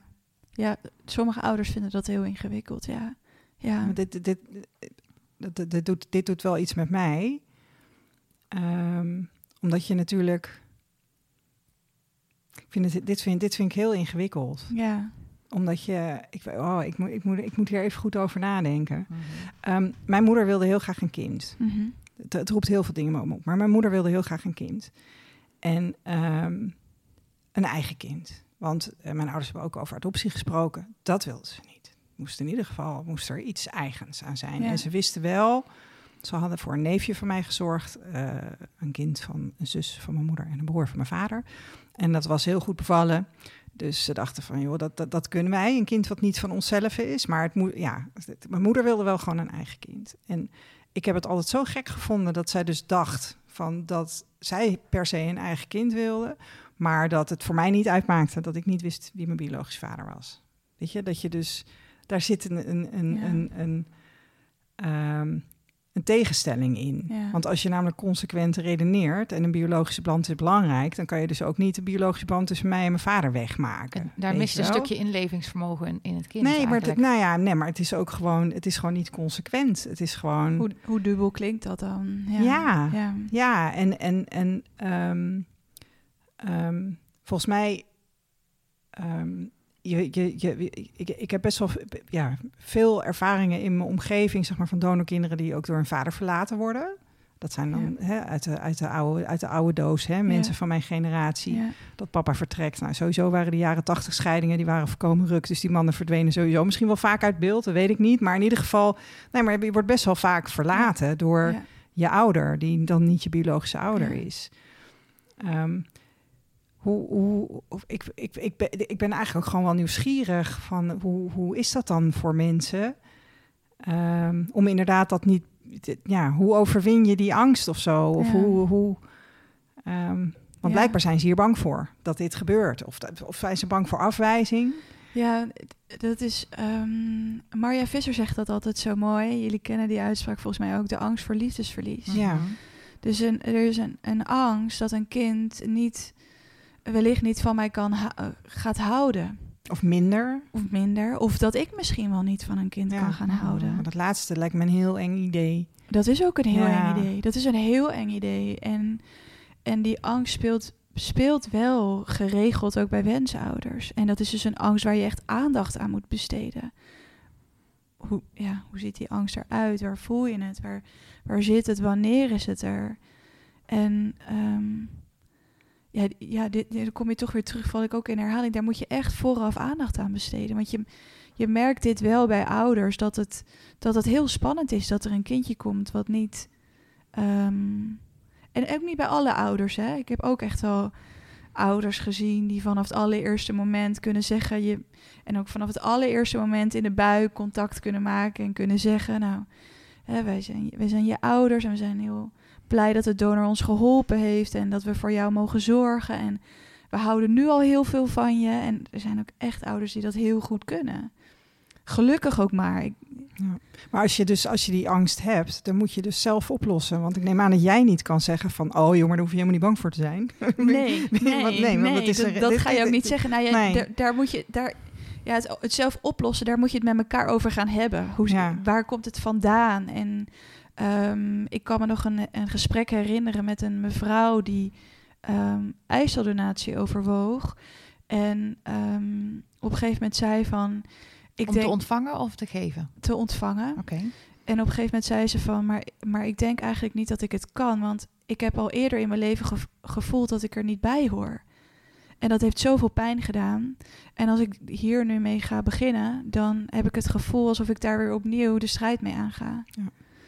En En dat is een inzicht. reële angst ook, toch? Dat je, eh, ik heb wel eens begrepen eh, dat er ook na de geboorte, zeg maar, eh, counseling nodig kan zijn van, ja, hoe verhoud ik me tot dat kindje? Is het nou echt mijn kind? En ja, dat, dat is niet niks, zeg maar. het is niet eh, niets en, en spermadonatie ook niet. Nee. Dus daar, daar, eh, het kan soms heel nuttig zijn om daar ook zeker na de geboorte nog aandacht aan te besteden. Ehm, als, als ouders voelen dat dat nodig is, dan doe dat. Pak dat aan, zo, ja. zo snel mogelijk. Je, hebt- je hebt wel allemaal moedige ouders nodig, hè? Om dit, om dit, om, als je dit traject op deze manier wil doen en dus inderdaad niet naar België, omdat je denkt van, nou, pff, geef mijn portie Ja. naar een fikkie of, Ja. of, of naar een ander land. Ja, want of- dat zat ik ook nog te denken. Inderdaad, die mensen die bij jou komen, die, die komen waarschijnlijk, of die kwamen ook naar eh, het AMC vanwege waarschijnlijk Nederlandse donor, of, of, nou, of ze woonden er in de buurt. Maar, want ehm, ik sprak dus laatst eh, iemand die als verpleegkundige werkt op een fertiliteitskliniek, of in een fertiliteitskliniek in België. En die vertelde dus dat eh, 90% van hun klanten zijn Nederlanders Ja. die daar komen. En dan, eh, zij is dus zelf donorkind, dus Ja. dat is interessant. Maar dat, dat weet verder niemand. Ehm, en, eh, maar dan vraagt zij, dan gaat zij dus wel een beetje peilen, want het is voor haar allemaal heel pijnlijk. Ik vind het ook heel knap en onbegrijpelijk tegelijk dat ze daar kan werken, maar met haar eh, eigen pijnen, zeg maar. Maar ehm, dan vraagt ze van, eh, van, goh, en gaan jullie het kind vertellen? En dan gaat ze toch een beetje zo peilen. En ze zegt, ja, bijna altijd zeggen mensen, nee, nee, eh, gaan we niet vertellen. Ja, mensen gaan natuurlijk niet voor niks naar België voor anoniem eh, zaad. Ja. Dus ik denk ook de mensen die bij jou komen, die hebben al andere intentie dan... ja. Jij ziet waarschijnlijk die mensen niet eens, maar toen ik haar hoorde, toen dacht ik, oh, dat bevestigt eigenlijk mijn vermoeden dat er nog steeds Ja. heel veel Nederlanders zijn die denken, ja, die wet is allemaal leuk en aardig, maar niet voor mij. Ik wil gewoon eh, doen alsof dit kind biologisch wel van ons is, zeg maar. Nou, dat laat dus zien hoe, hoe ingewikkeld het er soms ook kan zijn om te weten dat je zwanger, dat je een kind gaat krijgen wat niet helemaal genetisch van je samen is. Mhm. En, en wat Ja, want zeg- ik denk altijd als er iets geheim te houden valt, dan weet je al, Ja, daar klopt iets niet, toch? ja, Als je denkt ook, ik ga het niet vertellen. Ja, daar- ja, dan moet je het misschien Ja. niet doen. Nee. Nee. ja, en toch heb ik in alle jaren dat ik in het AMC heb gewerkt, en we- wellicht is dat ook een gebiasde groep, maar eigenlijk nog niemand meegemaakt die zei: Ik ga het niet vertellen. Nee, maar ik las wel in jouw onderzoek dat heel veel mensen dus dachten, ik ga het wel vertellen. En dan waren de kinderen tien en had geloof ik 25 procent. Ja, dat is een andere, dat is een ander Oh, oké, onderzoek ja, geweest, ja, maar inderdaad. dat noem jij- dat noem ja, jij. Ja, die, ja, 25 procent had het Ja. pas verteld of Ja. 25 procent op de het... leeftijd van tien jaar. Ja. Ja, ja, Dus dan hebben ze allemaal leuke Ja. voornemens. ja. Maar dan is het toch spannend. Maar daarom is dat boekje, laten we even het even over jouw boekje hebben. Daarom is Ja. het- en de boekje is natuurlijk van jou ook handig, want jij bent medeschrijver hè, met Marja Visser Ja. samen. Samen met Marja, ja. ehm, van het boekje Een bijzonder gewoon gezin. En er zijn verschillende varianten. Viel mij meteen op dat er geen twee heren variant is. Nee, nog niet. Wel twee moeders en één moeder. Twee moeders, een hetero stel of één moeder. Hè? Ja, en ijsseldonatie ook. Ja. En, en om meteen maar met de deur in huis te vallen, waarom, waarom is er geen twee, twee mannen variant? Je moet ergens een beginnetje maken. Oh, oké, die Dus- komt en nog. Het, en het kost ook best wat geld om zoiets te maken. Oké, ja, het dus zijn je hele mooie boekjes. Ja. Je maakt een beginnetje. Wil je even en, voelen? oh, eh, ja, je hebt ze al, hè? Ja, Esther wil dat ze is- niet aanraken. Ze liggen in de garage, maar ik heb, ik heb, Oh. ik heb, ik heb het nooit ingekeken. We hadden het hier eventjes van tevoren over. En ik zal We nemen ze mee als we met donorkind ergens heen gaan. Ah, weet je, wat, oké. we vinden dit natuurlijk wel maar nog belangrijk. nooit maar, ingekeken. nou ja, nee, ik heb, nee, nee. mag, ik je vra- mag ik je vragen waarom? Ehm, omdat, ik het, omdat ik het heel. Ik, ik, heb gewoon een aantal overtuigingen. En ik vind überhaupt het gebruik van een donor. Dit is echt mijn persoonlijke mening. Hè? Ja. Ehm, ik vind het verhaal van Sarah Koster heel mooi. Die op zoek is gegaan naar een vader. En dan uiteindelijk met twee vaders eh, eh, eh, kinderen krijgt. Ehm, ik vind dat ieder kind heeft een vader en een moeder. En ik denk ook dat je niet voor niks een vader en een moeder hebt. Want ehm, nou ja, goed, weet je, dat, is, dat, dat heeft de natuur zo geregeld. En als je dan twee moeders hebt en een vader, of, of twee vaders en een moeder, of weet je, dat maakt me niet zo uit. Maar iemand tot donor of draagmoeder maken, daarmee zet je een biologische ouder op afstand. En dat, dat stuit mij heel erg tegen de borst. Ik ben daar gewoon hartstikke tegen. Dat is eigenlijk, en dus ik vind ook alles wat. eh, ik vind de hele industrie vind ik heel ingewikkeld. Dat er dus mensen geld verdienen met het vervullen van kinderwensen. Terwijl een kinderwens is echt het grootste. En het, het weet je, ik, ik heb heel lang in, in, in de media en de marketing gewerkt. Ik bedoel, Zwitser is een van de mooiste merken om voor te werken. Waarom? Omdat het is de meest ontvankelijke doelgroep. Weet je, die mensen die willen alles weten. En als, je, als je een kind wil, dat is zoiets groots. Ja.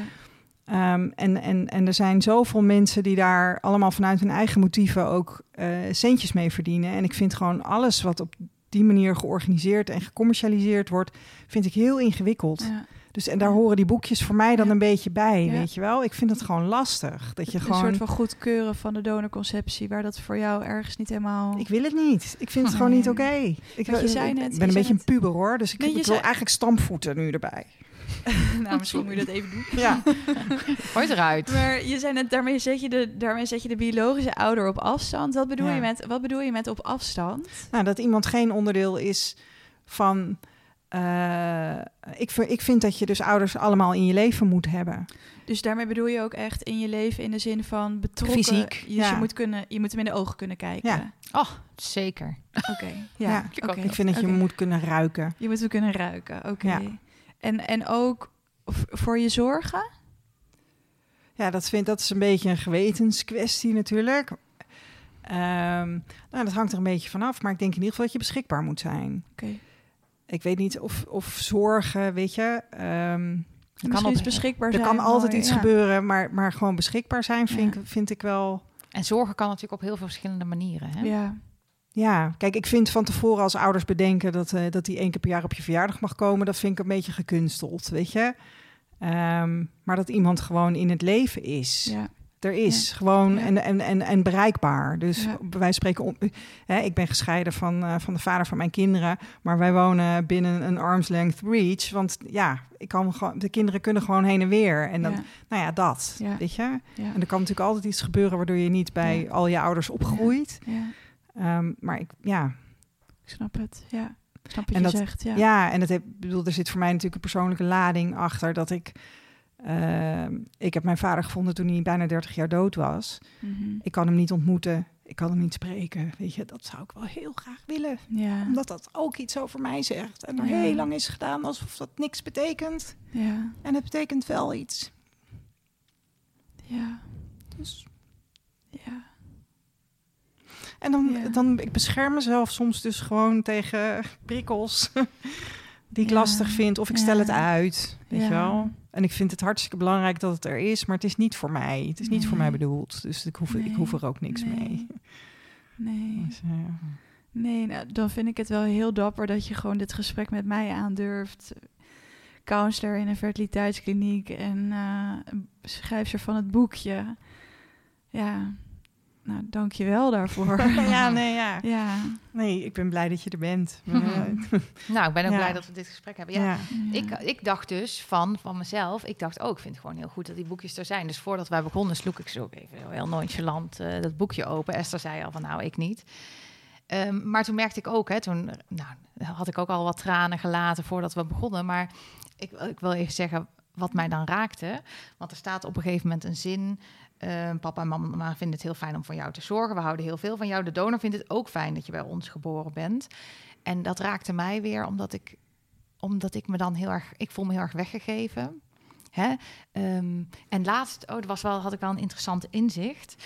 Toen dacht ik van, oh ja, ik, ehm, ik was me even aan het verdiepen in trauma en, en Gabor Maté en wat hij Ja. daarover zegt. En hij zegt ook van, ehm, het trauma kan maken dat je een andere blik op de wereld hebt. Hè? En toen dacht ik, oh ja, ik heb een negatievere blik op de wereld, waarschijnlijk dan heel veel andere mensen. Of nou, de andere mensen ook. Maar en toen dacht ik wel van, oh ja, het kan dus best wel zijn dat heel veel donoren dus een hele positieve blik op de wereld hebben, waarmee zij dus ehm, hun zaad of hun eicellen weggeven.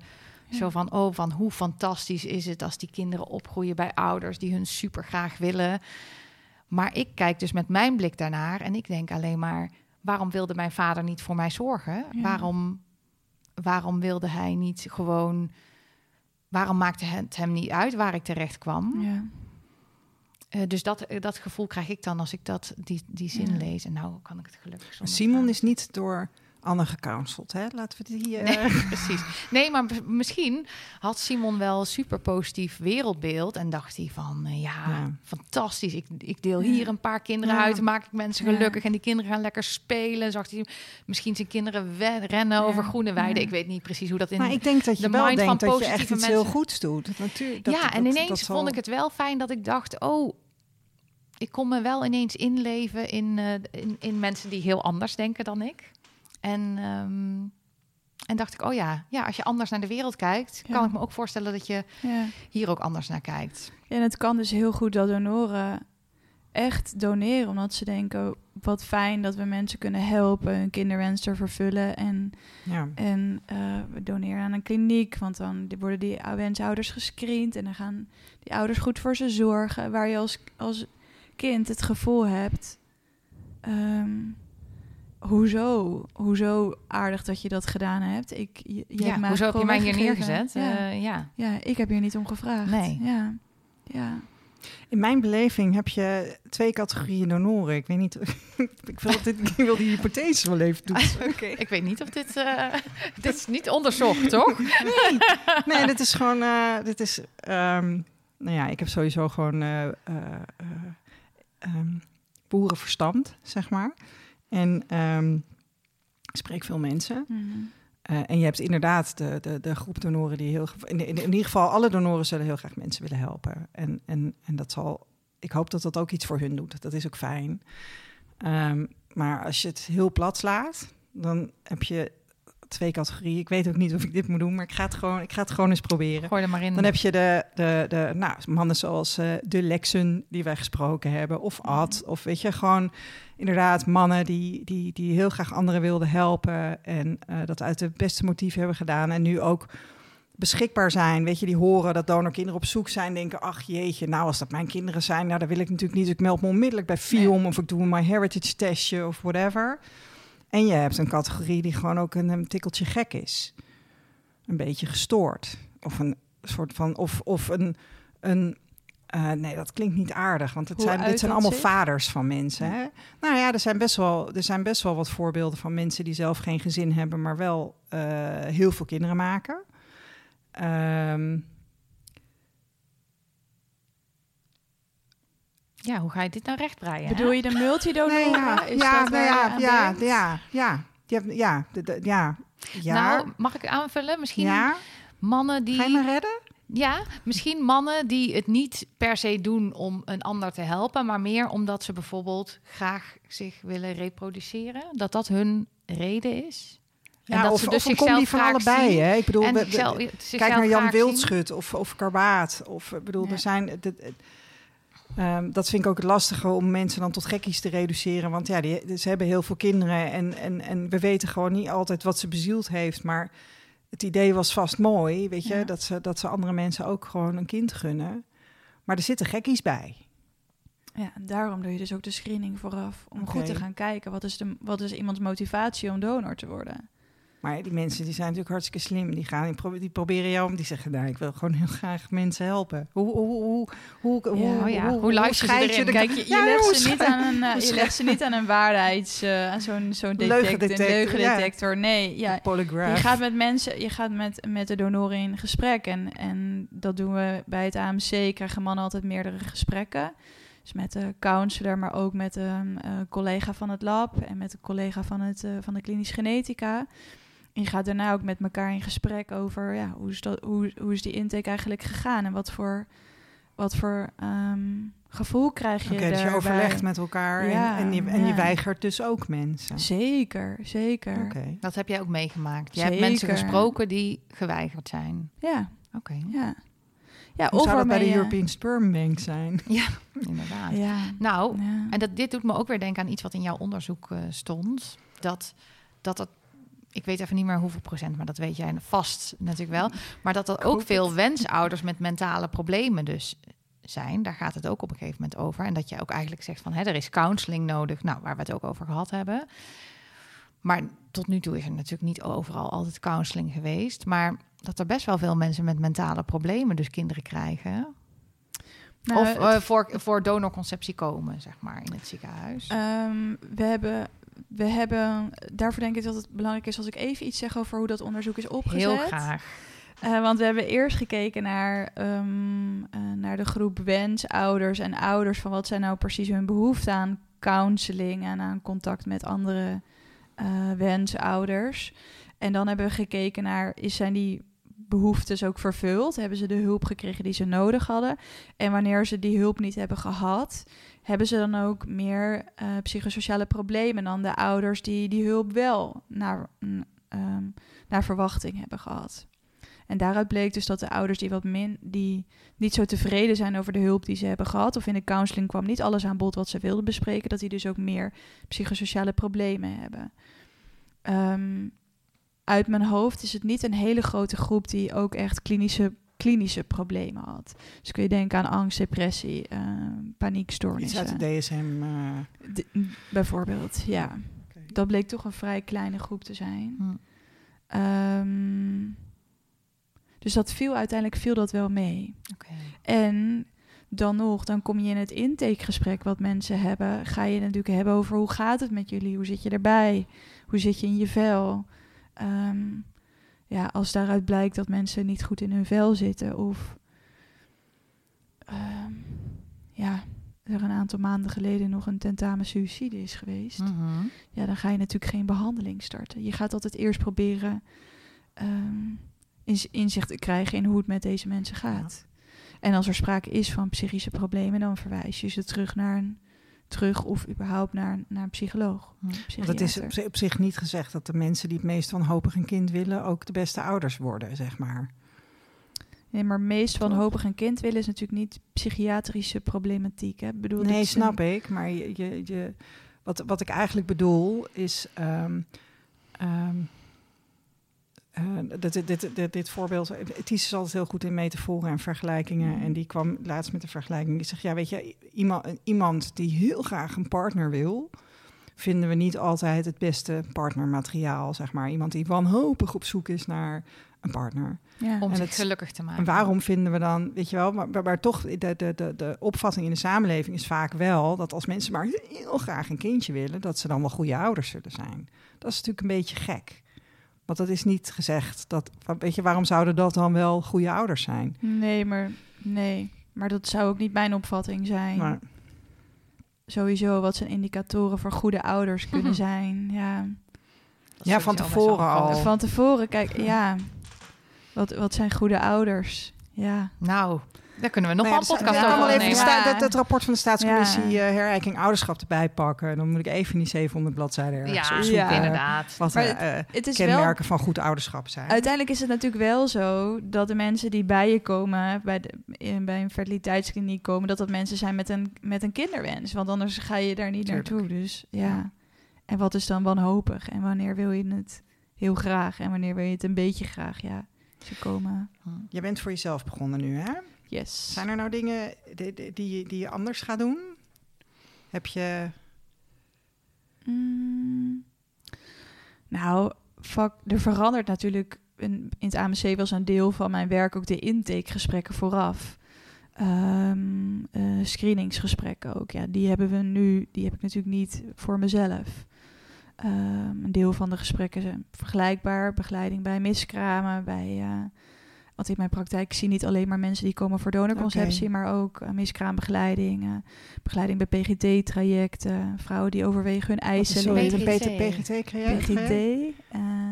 dat zijn, eh, dat zijn IVF-trajecten die we kunnen doen ehm, wanneer mensen een, ehm, eh, een erfelijke aandoening hebben en die niet willen doorgeven aan een kind. Dan kun je selectie doen. Dan kun je embryoselectie Ja. doen om, te, om, om de gezonde embryo's terug te plaatsen. Ehm, dus begeleiding bij dat soort trajecten, dat doe, ik, dat doe ik ook. En dat is qua inhoudelijk. Zal dat vergelijkbaar zijn met wat ik in het AMC eh, heb gedaan. Ja. Maar ja, ja wat, doe ik, wat doe je anders? ik merk wel dat er nu, nu ik uit het ziekenhuis ben, wat meer ouders komen ehm, die toch in de opvoeding van een donorkind tegen een aantal dingen aanlopen. Die kennelijk misschien toch meer de vrijheid voelen om terug te komen naar een, een counselor buiten een ziekenhuis dan in een, in een ziekenhuis.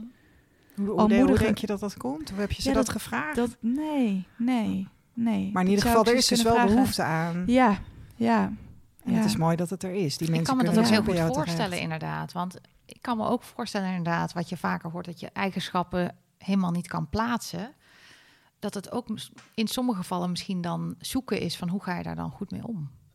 En ook ouders die toch worstelen met die positie van niet genetisch ouder Mm, zijn. En nou. Je kunt van tevoren kun je het allemaal bedenken. Maar als, Ja. als, als het zover Ja. is en het kind is zes Ja. en er gebeurt iets... dan kan je dat als ouder natuurlijk jonger. gewoon raken. Of jonger ook. En dus dat is heel goed dat ze die hulp vragen en dat nou, ze komen. dat vind ik ook. Ja. Want ja, daarmee ehm, help je je kind ook. Ja, want dat, is, dat, dat, dat, dat vind ik wel eens lastig hè, om te horen... eh, dat kinderen dus in de jeugdhulpverlening zeg maar, terechtkomen... of daarmee Ja. in aanraking komen. Ehm, maar dat die kinderen, die hebben in feite helemaal geen probleem. Er is met dat kind niks mis. Alleen, Ja. ja, omdat ouders niet in staat zijn om hun taken goed te volbrengen, zeg maar. Ouders iets ingewikkeld vinden. Ja, Ja. de- zelf in de opvoeding tegen dingen aanlopen. Ja, En, en nou ja, dan zou je willen dat ouders daar wel verantwoordelijkheid voor nemen en daar met iemand over gaan praten.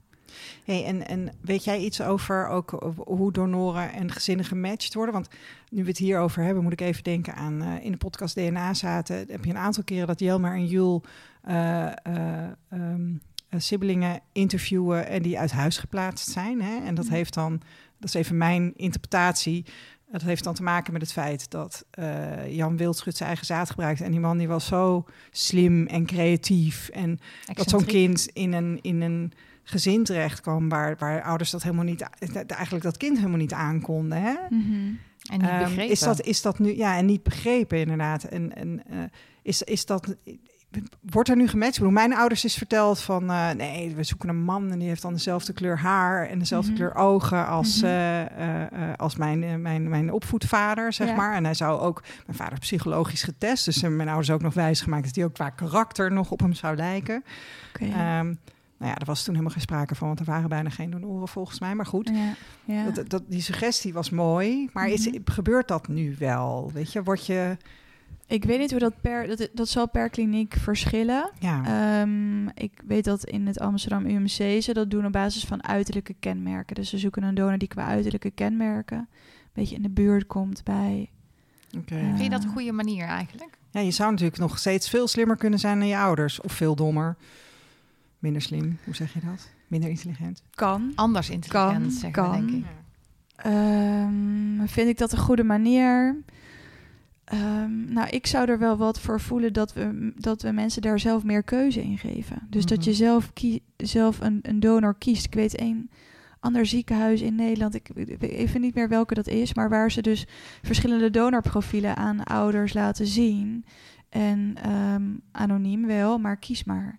Ehm, Ik vind het zelf best wel een raar systeem eigenlijk. Als je erover gaat Ja. nadenken, dat, dat je er dus... En, en ouders gaan er, dus, wensenouders gaan er ook in mee. Maar ja, het systeem is ook zo ingericht... dat eh, vanuit vroeger natuurlijk de arts voor jou bepaalde... wie dan een goede Ja. match was. Maar eigenlijk als je erover gaat nadenken... dan is het heel raar dat iemand niet daar zelf inspraak in heeft eigenlijk. ja. Ik vind het sowieso heel gek dat mijn ouders elkaar helemaal misschien niet lekker vonden ruiken. Maar goed, dat is even... eh, Ja. Dat kan dus. Ja, ik Moet kan je toch even in de kantine koffie gaan drinken. Ja. Ja. of geen koffie, want dan weet je het al. Dan denk je, nee, als ik koffie drink, dan hoef ik hem niet. Ja, Ja, ja, maar dat is soms zoals we dingen al heel lang doen en dan is dat eenmaal zo. Maar eigenlijk zit ik nu over na te denken, denk ik, raar eigenlijk.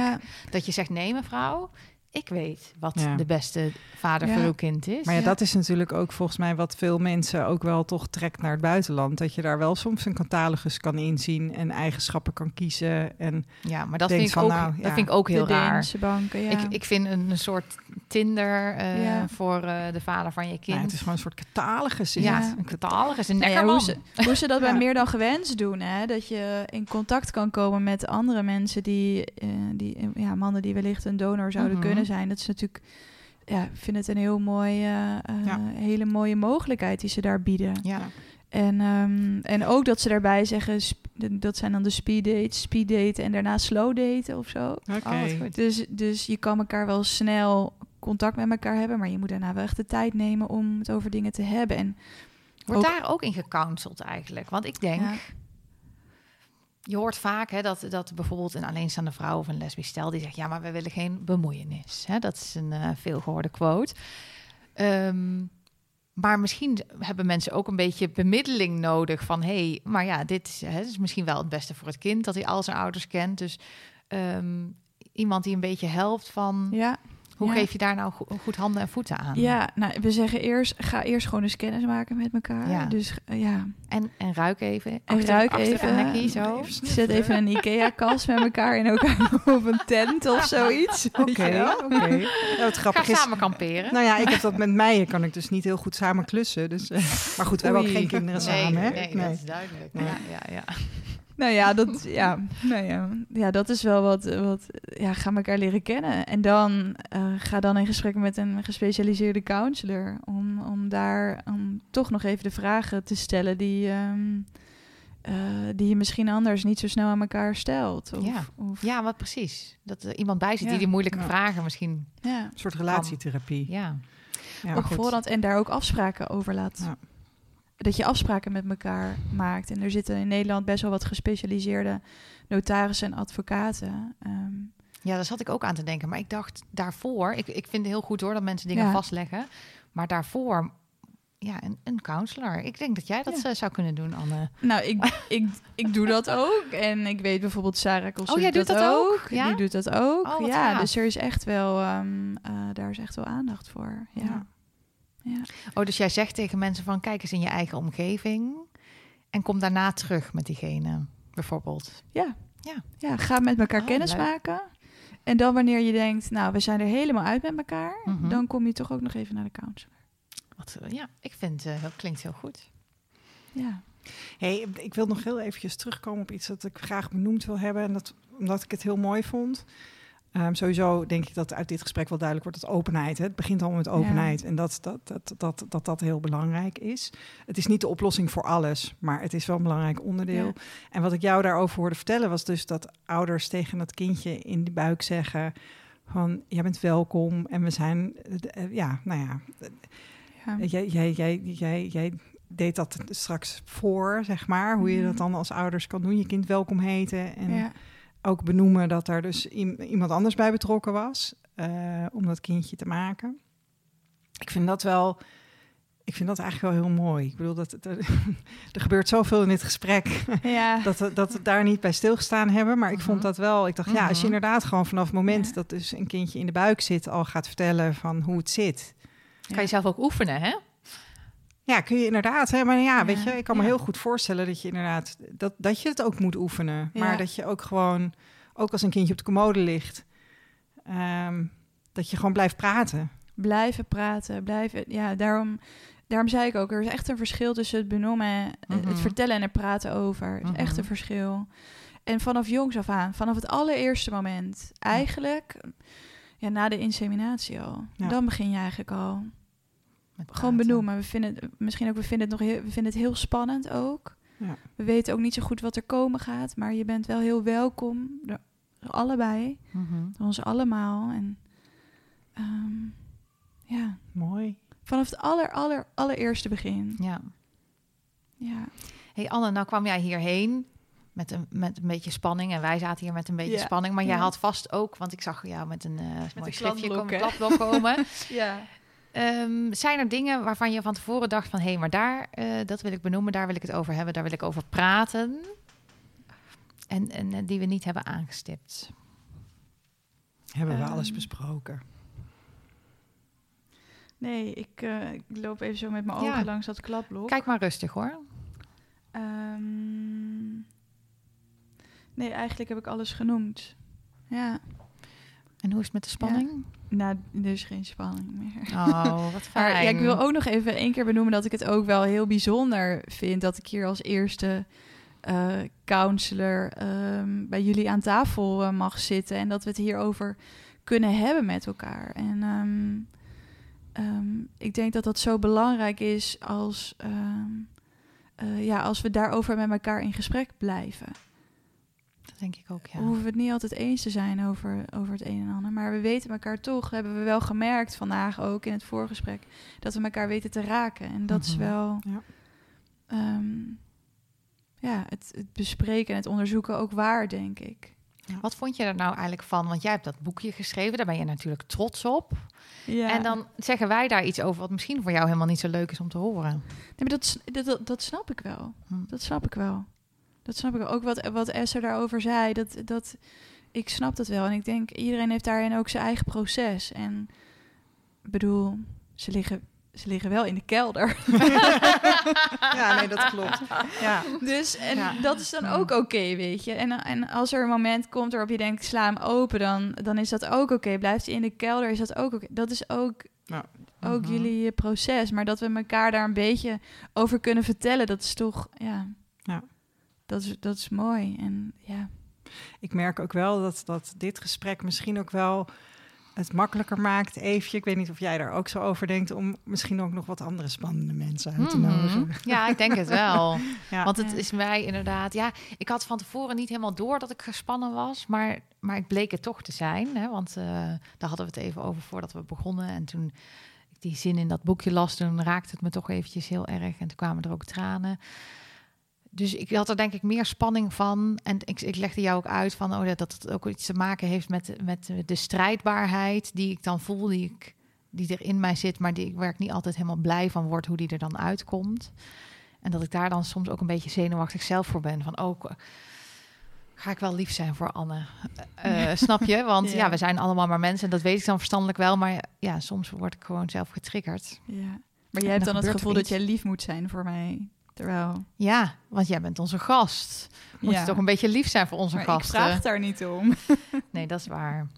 Maar ik vind toch dat we wel een beetje lief voor onze gasten moeten zijn. Vind je Ja. niet, Esther?